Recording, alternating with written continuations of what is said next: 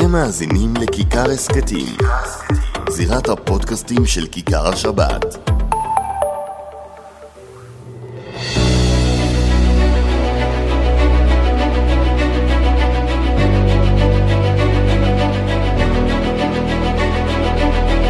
שלום לכם, אנחנו עם עוד פודקאסט מפת הזירה, אולפני כיכר השבת בירושלים. אבי וידרמן, שלום. שלום ישי, וואי כמה שאלות יש לי אליך. הפעם האחרונה שנפגשנו היה בערב הבחירות, עכשיו אנחנו כבר בצד של המנצחים. לא, היה לנו כבר אחד אחרי, אחרי? היה- אחד אחרי, אתה לא עוקב, נשלח לך. באמת שאלה איך אני, אולי זה הכאבים ברגל. אמ, אבל אתה יודע, אנחנו יום אחרי הבחירות, אנחנו יומיים שלושה לפני הרכבת אה, הממשלה, ממשלת נתניהו השישית. אמ, אתה יודע מה הכי צורם לי בשבוע, שבועיים, שלושה האחרונים? יש המון דברים, אני יכול לתת לך רשימה שלמה, לא, מעניין אותי אני- מה אני לך. מדבר מהעין החרדית. נו, קדימה. זה הניסיון הפחדה. ההפחדה ש... אתה יודע, אתה, אתה שומע בימים האחרונים, וזה הרבה יותר מימים האחרונים, זה שבועות האחרונים, אבל בעיקר בימים האחרונים, את. החילוני שגר במדינת ישראל. וצורך תקשורת ובטוח שמה שמדברים בתקשורת זו האמת והיא משקפת את המציאות, בטוח שבעוד כמה שבועות יסגרו לו את חופי הרחצה. אה, אתה יודע, הוא יגיע לקניות באושר עד או במקום או ברמי לוי ויפצלו שם בין גברים לנשים. ושישראל הולכת להיות מדינת הלכה. עכשיו שנינו יודעים שזה לא נכון, גם אותם עיתונאים ופרשנים יודעים שזה לא נכון. הטענה שלי קודם כל היא כלפי התקשורת הישראלית, ואני משמיע אותה לא מעט בשבוע האחרון גם בתקשורת שם. והטענה אולי היותר גדולה שלי, זה על חברים בתוך הקואליציה שמספקים את הסחורה הזו לאותם עיתונאים ולאותם מבקרי קואליציה עתידית, שמנסים להפחיד את הציבור. אני הפעם לא נוטה להסכים איתך ב-100%, אני יכול ללכת איתך 75% מהדרך, ואני אגיד לך איפה אני לא מסכים איתך. אני חושב שיש פה עניין של צבר הדברים, זאת אומרת כל דבר כשלעצמו, אתה יכול להגיד, טוב זה לא נורא וזה לא נורא וזה לא נורא, אבל, רו, אבל כל הדברים יחד הופכים להיות משהו שהוא כן תן לי, מאיים. תן לי, אני, תן לי. אני שוב אני אומר, רוצה זה הצבר, לא, זה לא אני- דבר אני אחד. רוצה, תן לי אני- שלושה ארבעה אני דברים, דוגמאות. שמבחינתך זה צבר שמאיים על החילונים. אני אענה לך, אני אפילו בקצת, ואני אוסיף לך חצי משפט. אה, נראה לי שאתה יודע, אולי המאזינים כולם לא יודעים, אבל רוב המשפחה העוטפת, לא המשפחה הקרובה שלי, הם לא חרדים. דודים, בני דודים וכולי. וכשלי יוצא לדבר איתם בשבועיים האחרונים, אני לפעמים, אתה יודע, מתפוצץ, אני אומר, כמה ממלאים להם את הראש, הם מתקשרים אליי לא בדאגה, איש הולך להיות כאן מדינת הלכה. מתקשרים כדי להבין, כדי לשמוע צד שני, ואתה שומע על מה הם מדמיינים. שהולכת להיות כאן מדינת הלכה, וכמו שאמרתי לך שהולכים לסגור כאן מרכולים, ואני יכול לך לרזולוציות של כל נושא, וה-99.9 אז, אז אני אומר לך שאני. אני, אני, אני מסכים עם רוב דבריך, אבל לא עם הכל, ואני שוב אומר, אני אענה לך צבר, רגע. אני אענה לך, אני, אני אגיד לך משהו, אני אענה לך בחסידית, זה בכלל לא המילים, זו המוזיקה.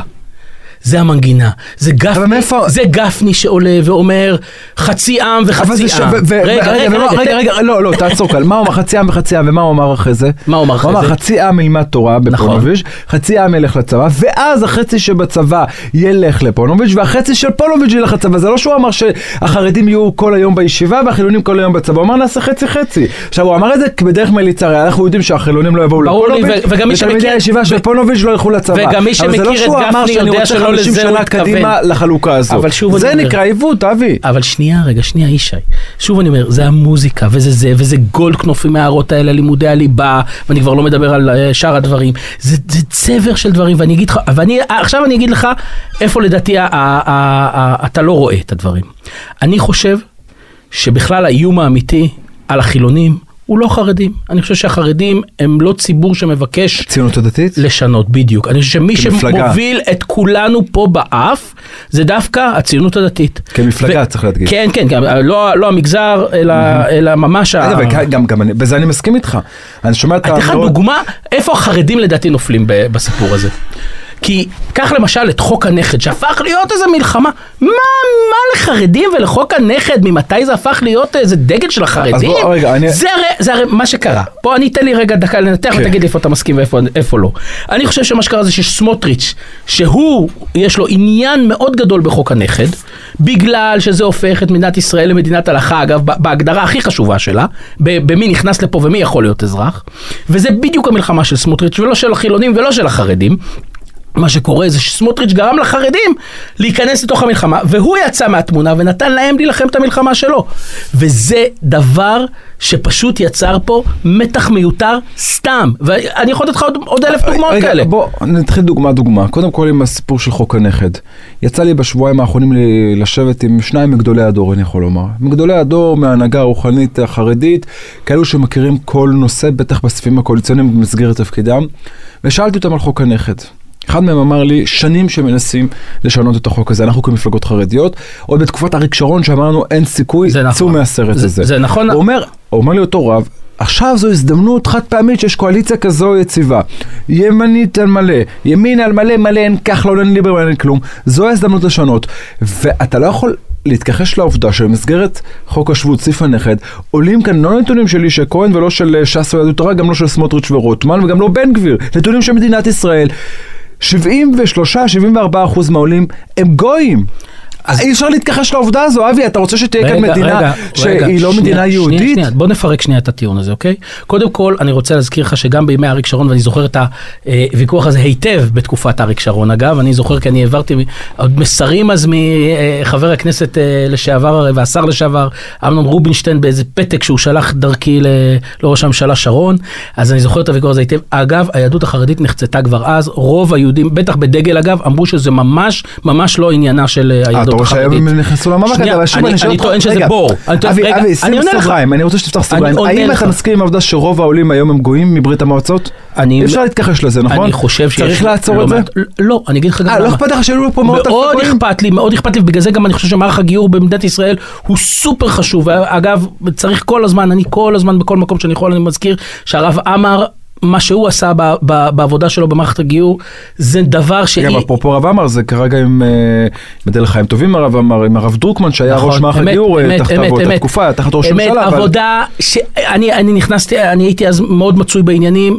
רוצה להגיד לך שאי אפשר, אי אפשר להקל ב- ב- בעבודה שהם עכשיו, עשו. אני רוצה- ואני רוצה להגיד לך כן. משהו, שנייה רק לס- לסיפור הזה. אנחנו בסופו של דבר מדינה יהודית ומדינת היהודים, ואני לא חולק, וזה בעיניי האידיאל הגדול ביותר והחשוב ביותר.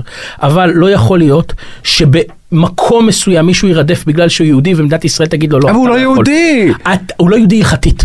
אבל במקומות מסוימים, מי שנכד ליהודי, מוכר כיהודי, ויכול להיות שהוא נרדף, שיבוא לפה, נפתור אבל- את זה פה ו- וכאן- בגיור. ראית את התחקיר קלמן בגיור- ליבסקין על כל העלייה הזו שהם באים לקבל דרכון ובורחים? אני- זה- זה זה אני גלגל מסתובב, אתה אני אפשר- מכיר אתה את לא יכול. לאחוז את ה... אתה יודע מה? בוא נסכים איתך, שמי שעולה לגור בארץ ישראל, גם אם הוא יהודי, לש- הוא לא יהודי... אף יאללה. בוא נחתום, סגרנו, מסכים איתך, אין- עכשיו- אין ויכוח. אבל אני אגיד לך יותר מזה, אני חייב להגיד, רגע, הערת סוגריים, הערה הערת. סוגריים, שדבר מופלא בעיניי, כמי שנולד פה בשנות ה-80 וזוכר קצת את ישראל הישנה, שיש אנשים שחושבים שדרכון ישראלי זה דבר טוב בשביל לקחת אותו וללכת. זה דבר, מבחינתי, זה לא יאומן. טוב, עכשיו אני רוצה עוד נקודה אחת, גם על הנושאים האלו שדיברנו אה, לפני רגע על ההפחדה. אה, סביב הסוגיה של, ראינו את הדברים של חבר הכנסת אה, שמחה רוטמן ואורית סטרוק, עכשיו אני לא רוצה לגעת בנושאים עצמם שהם דיברו, בטח אה, במסגרת הרגישות של השיחה שלנו, אבל על העיקרון. וגם כאן לא הצלחתי להבין במיוחד את רוטמן. אני לא חושב שבמדינת ישראל, ואני כיהודי חרדי, שכולם מבינים שאין לי שום אפילו אחוז, רבע אחוז של תמיכה באותם אנשים, אני לא רוצה שנגיע למצב שבו בעל מלון, בעלים של מלון, מנהל מלון, מארח יאמר, אתם לא נכנסים למלון שלי בגלל שאתם כאלו וכאלו. לא יקרה לפחות בהשקפת עולמי, אני לא אומר שצריך לכפות עליו, אבל אסור... היום זה הם, מחר זה יהיה החרדים. חד בעוד- בעוד משמעית. חודשיים אנחנו נשמע שיש איזה מלון באילת שלא מוכן לארח אה, זוג חרדים בגלל אמונתם הדתית. ולכן שמפריעים לו בשבת, לכן- והוא רוצה להוציא אותם כבר בשבת ב-12 בצהריים, ולא בצאת שבת. צריך לעצור אין את לזה זה, סוף. צריך לעצור את זה היום. אין משמעית. סיבה שבגלל, שזה- על זה אני מדבר, אז אני רוצה שדיברת לספר לך- כוח, בזה אני מסכים איתך. אני רוצה לספר לך- ואתה רואה, רגע ברשותך, פה אתה רואה גם שהאמירות האלו לא מגיעות מהסיעות החרדיות. ויותר מסכים. מזה, הח"כים החרדים, כשאני מדבר איתם ביומיים שלושה האחרונים, סביב כל ההתבטאויות של רוטמן, סטרוק ואחרים, הם לא יודעים את נפשם. מה לחרדים הם לזה?" מאבדים, הם גורמים לנו לאבד את הלגיטימציה של הממשלה הזו. ממש מסכים ואני אגיד לך יותר מזה, אתה יודע מה מחריד אותי בכל הסיפור שלא מדברים למה, למה, למה זה בכלל קרה הוויכוח הזה, אתה יודע למה? זה בכלל ויכוח אמריקאי. הציונות הדתית, שיש לה השפעות של כסף אמריקאי זר, של גורמים ריאקציונרים בארצות הברית, גורמים שמרניים מאוד, אוונגליסטים נוצרים, לוקחים ויכוחים פנים נוצרים ומייבאים אותם למדינת ישראל. מה הסיפור פה אגב? זה פסק דין שניתן לפני שנתיים אה, אה, על מקרה שקרה בקולורדו, על אופה שלא הסכים לאפות לזוג אה, בעל נטיות הפוכות עוגה לחתונה. וזה היה עניין גדול מאוד בארצות הברית. הם לקחו את הוויכוח הזה, עיבו אותו למקום שהוא לא שייך אליו. אנחנו לא מדברים על הדברים האלה בכלל. אנחנו לא נוגעים ולא נכנסים לדברים האלה, אז למה לפתוח את זה? וליצור כזאת איבה וליצור כזאת משטמה, למה? לא דיברנו פה פעם על אהבת ישראל? אה, מסכים איתך וחושב ש... אתה יודע מה? מי מפתיע אותי לטובה? נו, איתמר בן גביר. תראה, יש לו לא, דרישות. לא נעים לי להגיד שאני מסכים איתך, זה יש לו קשה לי. דרישות, אתה רואה, הדרישות שלו מבחינתו הן דרישות מהותיות. הוא מתעסק להיות- בביטחון להיות- פנים. כן, להיות אה, ממלא מקום יושב ראש ועדת שרים לענייני חקיקה, כל מיני דרישות שאפשר להסכים או לא, אבל הוא מבקש דרישות אמיתיות. לא אמירות של ל- להדיר את האלו ושורפים לו את הפרו לאנשים. אני לא מצליח להבין את ההתנהלות של הציונות הדתית כסיעה. אה, תמוה בעיניי. ועוד דבר אחד ברשותך, ש- אנחנו מדברים על אותו נושא ולכן אה, אני מעלה גם את זה. יצא לך, אני מאמין, לראות אה, לפני אה, שבוע בערך את הכותרת הראשית אה, בדה מרקר על ילד חרדי שהרוויח, שיקבל כן, יותר. כן, כן, כן. דוקטור נרי ודאי, הורוביץ. נרי הורוביץ. נו, מה אתה חושב על זה? אני חושב שתשמע, כולם משחקים עכשיו בנתונים. אה, עוד פעם, זה חלק מאותו שיח שאתה דיברת עליו. אה, אני- קראת את הכתבה או את הכותרת? את האמת. רק את הכותרת. יפה. מה- מה חשבת על עצמך שראית את הכותרת? שהילד החרדי יקבל יותר מהילד החילוני בגלל ההסכם הקואליציוני, נכון? נכון. אבל אתה, ורגע, אבל רגע, אתה, אבל אתה יודע, אני מגיב רגע, לזה קצת אחרת. רק- אני, בשאיפה אגב, באידיאל, רוצה שילדים חרדים יקבלו יותר, כדי שילמדו יותר רגע, וישלימו עוד את רגע, עוד רגע, הפערים. שנייה, עוד רגע נגיע לדעה האישית שלך, נדבר קודם כל על הרש- ההתרשמות מהכותרת. ומה, אני ממשיך קדימה, עכשיו זה לא אתה, זה כמעט כל אזרח שאינו חרדי שדיברתי איתו, חבר משפחה, הבין את אותו הדבר. נתקדם לך צעד קדימה, ומה אתה מצרף לזה? את הדרישה של גולדקנופ וגפני, להשוות את תקציב החינוך החרדי לתקציב של החינוך החילוני, במוסדות שלא לומדים 100% ליבה וכולי, נכון? נכון. ואני נפגשתי השבוע עם דוקטור נרי הורוביץ. וראה זה הפלא. הבן אדם אומר לי, זה לא מה שכתבתי, תקרא את הכתבה. ואני אומר לו, הוא אומר לי, אני עשר שנים צועק שהדרישה של גפני וגולדקנופ היום, צודקת. של 75% המוכשר ו-55% הפטור לפי אחוז לימודי הליבה, לפי מה שוועדת שושני קבעה ב-2002, חייב לבצע את זה. יש לי ביקורת על גפני ודרעי ואלי ישי שלא עשו את זה לפני עשר שנים, ב-2015 ב-2013 ולפני. ואז אתה אומר לעצמך, ואז אני שואל אותו, אז על מה מדובר ילד חרדי יותר מילד חילוני? הוא מדבר בכלל על החינוך העצמאי ועל בני יוסף, אבל לא על כל מה ש... ששם יש לימודי ליבה. מאה אחוז לימודי ליבה. ו- וזה עוד רגע שמפוצץ אותך. לא יעזור לך כלום. הנה הרגע אמרת את זה, אתה יודע, כמסך לפי תומו, אתה הבנת שבגלל הדרישה של גפני וגולדקנופ, חד משמעית, כן. וזה בדיוק הפוך, הוא אומר לך, הם ימשיכו להיות מקופחים, ומדובר בקיפוח, וצריך לעזור להם, וצריך לשנות את הקיפוח הזה, וזה השיח שהתקשורת הישראלית מייצרת כאן בשלושה חודשים האחרונים, מאז שהימין אה, חוזר לשלטון, אני- והצליח אני. להשיג את ה-64. הגם שאני... לך דוגמה ממשית עכשיו, לא עם. סיפורים אה, פרשנויות. הגם שאני מסכים איתך, איש שאני רוצה להגיד לך משהו, הבהלה היא לא מומצאת, היא לא פוליטית, הבהלה היא אמיתית. בקרב הציבור החילוני הבהלה היא אמיתית, יש תחושה שהולך ונסגר החבל על הצוואר. ולכן גם כל דבר מתפרש לחומרה, וכל דבר לוקחים אותו לנקודת קיצון. ואני, עוד פעם, אני דווקא חושב שכן צריך להרגיע קצת ולנשום ולראות, ויהיה בסדר, ואני בטוח בסופו של דבר, ויש הרבה אנשים אחראים בממשלה הזאת, אבל עדיין אה, צריך להבין מי שלא מכיר כל כך, אתה יודע, עשינו פה סקר, אתה פרסמת אותו השבוע, אה, שאלנו את אחת השאלות, הייתה, אה, אה, האם אתה חושב שהנציגים החרדים אה, מייצגים נכון את הציבור החרדי, או האם הם הולכים באמת אה, על איזשהו נקודות קיצון? ואנחנו רואים התפלגות נורא נורא מעניינת. בגדול זה, יש רוב שחושב שהפוליטיקאים החרדים נוהגים נכון ובסדר ולא מותחים את את אבל אתה יודע מה ההתפלגות הנורא מעניינת שאני רואה פה? הגילאית. ככל שאדם הוא יותר מבוגר, הוא חושב שהחרדים כן מותחים את הגבולות אל מול החברה הח- החילונית, דווקא הצעירים חושבים שלא, וזה פה עניין הניסיון, זאת אומרת, מי שכבר היה כמה סבבים וזוכר את 2003 וזוכר את 2013, יודע גם כמה זה יכול להיגמר רע, ולכן אני אומר, צריך להיזהר גם במוזיקה ולא רק במילים. וזה אולי הלקח הכי, הפוליטי הכי משמעותי שאני יכול אולי אה, אה, לתת אה, אה, לשומעים שלנו. טוב, אני מכיר את הסקר הזה, קראתי אותו בשבוע שעבר, סוף שבוע שעבר, אם אינני טועה, וגם שם מקבל את, הרושם לפחות שהמצביעים החרדים לא מאוכזבים מהפוליטיקאים לא, החרדים, לא, ולא, לא. והם מרגישים שבסוף בסוף, תקרא את כל הסקר כן, כן, מלמעלה, כן, כן. זה שהתקשורת היא זו שמייצרת את השיח הזה. תביא לי כמה נתונים ברשותך. אה, תראה, שאלה נוספת אה, ששאלנו, האם הפוליטיקאים החרדים מתמקדים במשא ומתן בטפל או בעיקר?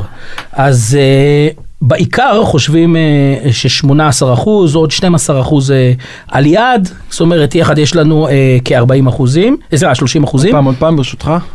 30, נו, לא טעיתי, 30 אחוזים חושבים שמתמקדים בעיקר, בדרישות כמה חושבים בעיקר. שעסוקים בטפל? בטפל אנחנו רואים אה, כבר 40, קרוב עכשיו, ל-40. אתה יודע למה זה מגיע? ל-40. אגב, מי שחושב שזה טפל זה יותר הגברים המודרניים, החסידים והליטאים, ומי חושב שבעיקר זה יותר נשים אה, שמרנים וספרדים. עכשיו אני אקח אותך למקום אחר סביב הסקר הזה. אני מאמין שכמו כולם גם אתה שמעת את העימות בין גפני לגולדקנופ, חבר בקבינט המדיני-ביטחוני, לא יהיה חבר, האם מדובר כאן על פריצת גדר שלא הייתה במשך נו, זה אמיתי או לא? עכשיו, לא, זה, לדעתי זה לא אמיתי. אה, ודאי שלגפני מפריע שגולדקנופ יהיה חבר בקבינט מדיני-ביטחוני, למה אבל זה לא מפריע. לו? למה זה מפריע לו? כי במשך עשרות שנים יהדות התורה בכלל לא לא כיהנו כשרים, כי לא הופכים להיות חלק מהממשלה. הקפיצה מהירה מדי? ולהיות חבר קבינט מדיני ביטחוני, איך אמר לי גפני גפני במוצאי שבת, איך העולם מסתכל עלינו. הרי בסוף גולדקנופ לא שרת בצבא, החסידים בגור לא משרתים בצבא, רוב המצביעים שלנו לא משרתים בצבא, ואתם תצביעו בעד יציאה למלחמה. אבל ש"ס כן כיהנה בקבינט. אגב, וש"ס גם חצי מהמצביעים מצביע, הולכים לצבא, ולא כולם חרדים, והח"כים ברובם היו בצבא, ודרעי שירת שירות אה, מקוצר. אבל שירת, כן. ועדיין אגב בסוגריים על דרעי תשמע את כל בכירי הקבינט המדיני ביטחוני ובכירי הצבא מימין ומשמאל. שאומרים שהוא גורם שקול ומאוזן וכולי. עכשיו מה הסיפור האמיתי? אם, אם לא הקבינט, יש כאן אירוע שסביב הטלפונים הכשרים. דיברנו על זה לא מעט, נראה לי שגם הקדשנו פודקאסט אחד לסיבוב, כן, לס- כן, זה. לנושאים של הטלפונים הכשרים. היה הסכמה, הייתה הסכמה בין ש"ס יהדות התורה, שזה דגל ואגודה, מבטלים את רפורמת יועז הנדל. אגב, שאפו מה שנקרא לבג"ץ, לולא בג"ץ זה כבר היה נכנס לתוקף, לא היה לך אפשרות, אין גגה לא יכול לחזור לאחר, כי היית כבר מנהל מספרים כשרים לטלפונים לא כשרים. לבטל את הרפורמה אגב, איזה מזל. שלא הייתה פסקת התגברות, כי אז הממשלה הייתה מתגברת על הפסקה ההיא. לא מאמין ש... למה לא? שמרץ ישתמש בפסקת... למה לא? אה, אם- יש, אז משתמשים. זה אתה כבר יודע, אתה מספיק מה, מנוסה. יאיר לפיד השתמש, הרי זה אותו לפיד שאמר לי בערב הבחירות, לא הסכים לפסול את דרעי כדי מלכהן כשר בממשלתו, ועכשיו זועק עד השמיים. בקיצור, עכשיו יש הסכמה לבטל את הרפורמה הזו. איפה אנחנו עומדים עכשיו? אגודת ישראל, שבין היתר שם את גולדקנופ של גור, שהם שולטים היום בוועדת... הם חזרו. לעמדה המקורית. הם אומרים, לא יקום ולא יהיה, לא תהיה תחרות גם בתוך הקומה הכשרה. אומרים בדגל התורה, יש כבר הוראה של רב גרשון אדלשטיין, מקימים ועדת כשרות ליטאית, הספרדים רוצים ועדת כשרות לספרדית. עכשיו, אתה מייצר תחרות בתוך הקומה, לא אינטרנט, לא וואטסאפ, תחרות בתוך הקומה הכשרה. מה יקרה לדוגמה? לא יחסמו טלפונים של פיצות או מרפאות כשזה קורה לי מתים. ואני אגיד לך יותר מזה, נראה לי סיפרתי לך את זה. אני לפני חצי שנה קניתי מכשיר טלפון כשר לבית בשביל הילדים בבסיטר. אני יוצא, שהילדים רוצים להתקשר אליי, אז קניתי טלפון כשר, מספר כשר, מכשיר כשר. זו הייתה אחת ההחלטות הכי אידיוטיות שעשיתי בחצי שנה, שנה האחרונה. אני מכבד את הטלפון רוב היום, אם הטלפון דלוק יותר מ-10 דקות אני מקבל לא פחות מעשרה טלפונים צנתוקים, סתם וואי, של וואי. תרומות. עכשיו, זה מקפיץ אותך, היה את התאונה הקשה המחרידה ברב שפע, אתה זוכר עם כן, ההרוגים. שם עם האוטובוס שאיבד שליטה. בהחלט. עכשיו, יש רגע כזה שאתה מתעדכן ומעדכן, אתה נכנס לתוך האווירה של האירוע. ובאמצע הבלאגן, אשתי והילדים לא היו בבית, יצאו לאירוע, והטלפון הכשר מתקשר איזה 4, 5, 6, 7, 8 פעמים. אני, אתה יודע באיזה לחץ קמתי מהמחשב לחפש את הטלפון, אולי חס ושלום קרה משהו. עכשיו, אני יודע, אייפון לידי, אשתי יכולה להתקשר, לשלוח וואטסאפ, ועדיין. ועדיין. ואז זה הרגע שאמרתי, הטלפון בבית הזה יכובה, מלבד מהרגע שמגיעים בבסיטר, שהילדים עוצרים את הטלפון. ולכן, תהיה תחרות, וכאן אני חושב שגפני למה- ודרעי למה כל צריכים כך להתעקש. מתנגדים? למה כל כך מתנגדים? כסף? אני אספר לך סיפור. אז זה לא לא אידיאולוגיה. סתם סיפור מעניין. לא, הרפורמה של הנדל, לבטל אותה זה אידיאולוגיה. כן, לנייד מספר כשר לטלפון לא כשר, אגב, אנחנו מקליטים כן. עכשיו, ועוד שעתיים יהיה פה יועז הנדל, אני אדבר איתו גם על זה. הסיפור הוא לבטל את הרפורמה, זו אידיאולוגיה. איפה לא אידיאולוגיה? באירוע של הקומה הכשרה. הקומה הכשרה. אין שום סיבה שלא תהיה תחרות בתוך הקומה אבל הכשרה. אני על זה עכשיו. עכשיו מאיימים לפרק את יהדות התורה. עד כדי כך. זה, זה, זה, זה הרבה יותר מזה, אבל כן, זה אחד, אחד העוגנים של האירוע הזה, זה הסיפור של הטלפונים הכשרים, וזה כמובן העובדה שדגל התורה אה, מגלה ב-12 בלילה שאגודת ישראל חותמת בלעדיה, שצריך לזכור, בלי דגל אגודה לא הייתה עוברת אחוז החסם הזה בוודאות. והוויתור האדיר שדגל עשתה, כי בסופו של דבר לדגל הגיע יותר. והיום יש להם יותר ח"כים לאגודת ישראל מדגל התורה, אבל עוד, אני אספר לך סיפור, אתה מדבר על הסקונה והכסף. נראה לי שסיפרתי לך את זה, לא נראה לי בפודקאסט, אלא באחד על אחד בינינו. לפני חצי שנה, בשיא המאבק על הרפורמה של יועז הנדל, בדיוק כשהוא היה צריך לאשר את זה בתפר הזה עם השימועים, ישבנו אני ועוד כמה עיתונאים חרדים עם אה, יועז הנדל במשרד התקשורת, רחוב יפו, מול כיכר ספרא, אתה איפה, לא ידעתי עדיין שיש שם דואר. ישבנו שם על איזה שעתיים של שיחה, והיו שם גם כמה נציגים, אחד מהם היה עורך עיתון שמזוהה עם אה, ועדת הרבנות הנוכחית של גור. ויועז הנדל דיבר והסביר להם הרפורמה, אמרתי לו, תקשיב יועז, אני מסכים איתך שמה שקורה היום זה לא טוב. אתה תקרא את המאמרי מערכת ביתד נאמן, תהיה בטוח שזה פוסטים שלך בפייסבוק. הם תוקפים אותם יותר ממך. אתה שופך את התינוק עם האמבטיה, אתה, אתה במקום לשפוך את המים ולהשאיר את התינוק ולדעת לעשות רפורמה נכונה, אתה הורס את הכל. ואז הוא אמר לי, מה ההצעה שלך? אמרתי לו, ההצעה שלי, תן תקופת ניסיון של שנה, שבשנה הזאת תוכל, הרי במסגרת הרפורמה שלך, לנייד בין... אה, להקים עוד שלוש ארבע ועדות אה, רבנים. כשרות, אה, רבנים, ועדת כשרות לענייני רבנים, לענייני תקשורת. תזכיר עוד כמה עסקנים יקימו, יהיה ספרדי, ליטאי, חסידי עוד כמה. תהיה תחרות בתוך הקומה הכשרה, ובוא נראה מה יקרה עוד שנה. הוא עושה לי ומה יקרה, אמרתי לו, קודם כל אפשר לנהל את המספר, היום יש לי 05484, זה רק ועדת הרבנים לענייני תקשורת הנוכחית, אני יכול לשים אותו גם בוועדה של, של הספרדים, הרב עמאר והרב"ק שידורון ולא יודע מי, ככה משה אתה יודע, אולי שם יסכימו אסמסים לנשואים, סתם בשביל הרעיון. אולי לא יהיו שם צנתוקים, לא יהיו שם חסימות. הוא אומר לי, אני שומע, עכשיו לא, לא נראה לי שהוא מקבל את זה, זה לא היה בכיוון, אבל שנייה אחרי זה קפץ אותו עיתונאי שמזוהה עם uh, ועדת הרבנים, עורך אחד העיתונים החסידיים, והתחיל לצעוק, דפק על השולחן יותר חזק ממה שאתם שומעים עכשיו, לא היה לא לא יהיה." תהיה, זה, זה רצח נפשות, אמרתי לו מה, מספרים כשרים אי אפשר לנייד אותם, ל... אמרתי לו תגידי, אני מדבר איתך על ועדת? רבנים של רב גרשון אדלשטיין. תנייד בינו לבינו, איפה הבעיה? לא, תקימו מספרים חדשים. הנדל מסתכל עליי, נוסיף שולחן עגול לזה, שמונה, תשעה אנשים. הנה, קיבלת את אומר לי, התשובה. קיבלת תשובה, אי אפשר, צריך לחתוך את האירוע הזה עד הסוף. ואז, ואז כתבתי, אני זוכר ציוץ שהרבה ביקרו אותי, אבל הבינו אותי, אחרי זה כולם כתבו לי צודק צודק. כתבתי שהקרדיט לרפורמת הכשרות של, של אה, יועז הנדל, רפורמת הסלולר, הבעייתית שלו, הקרדיט כל כולו לוועדת הרבנים לתקשורת. אם לפני שנתיים שלוש הפוליטיקאים החרדים היו יודעים להעביר חקיקה כמו חוק משה ארבל עכשיו, שתאפשר אה, תחרות בתוך הקומה הכשרה, לא היינו מגיעים למקום של רפורמת יועז הנדל. אפשר שאלה אחרונה? ברשותך, למה צריך להעלות את אגרת הכלב ל-3,500 שקל? מה אמרת עכשיו? דרישה במשא ומתן הקואליציוני של דגל התורה. לא יודע על מה אתה מדבר. אתה יכול לבדוק לי את זה? להעלות... למה? דרישה חד משמעית ובלתי מתפשרת. שמע, הייתה כותרת בכיכר השבת לפני חצי שנה על איזה חרדי שטס בת- טס לארצות הברית נראה לי, ומאחוריו ישב אדם עם כלב. והכותרת הייתה אימה בטיסה. אולי אם עכשיו תעלה האגרה אז הוא לא לא יוכל לטוס איתו, לא יקנה אותו מלכת- מלכתחילה. טוב, שאלה יהיו הבעיות שלנו. ישי כהן, תודה. תודה, היה מרתק, תודה רבה לך.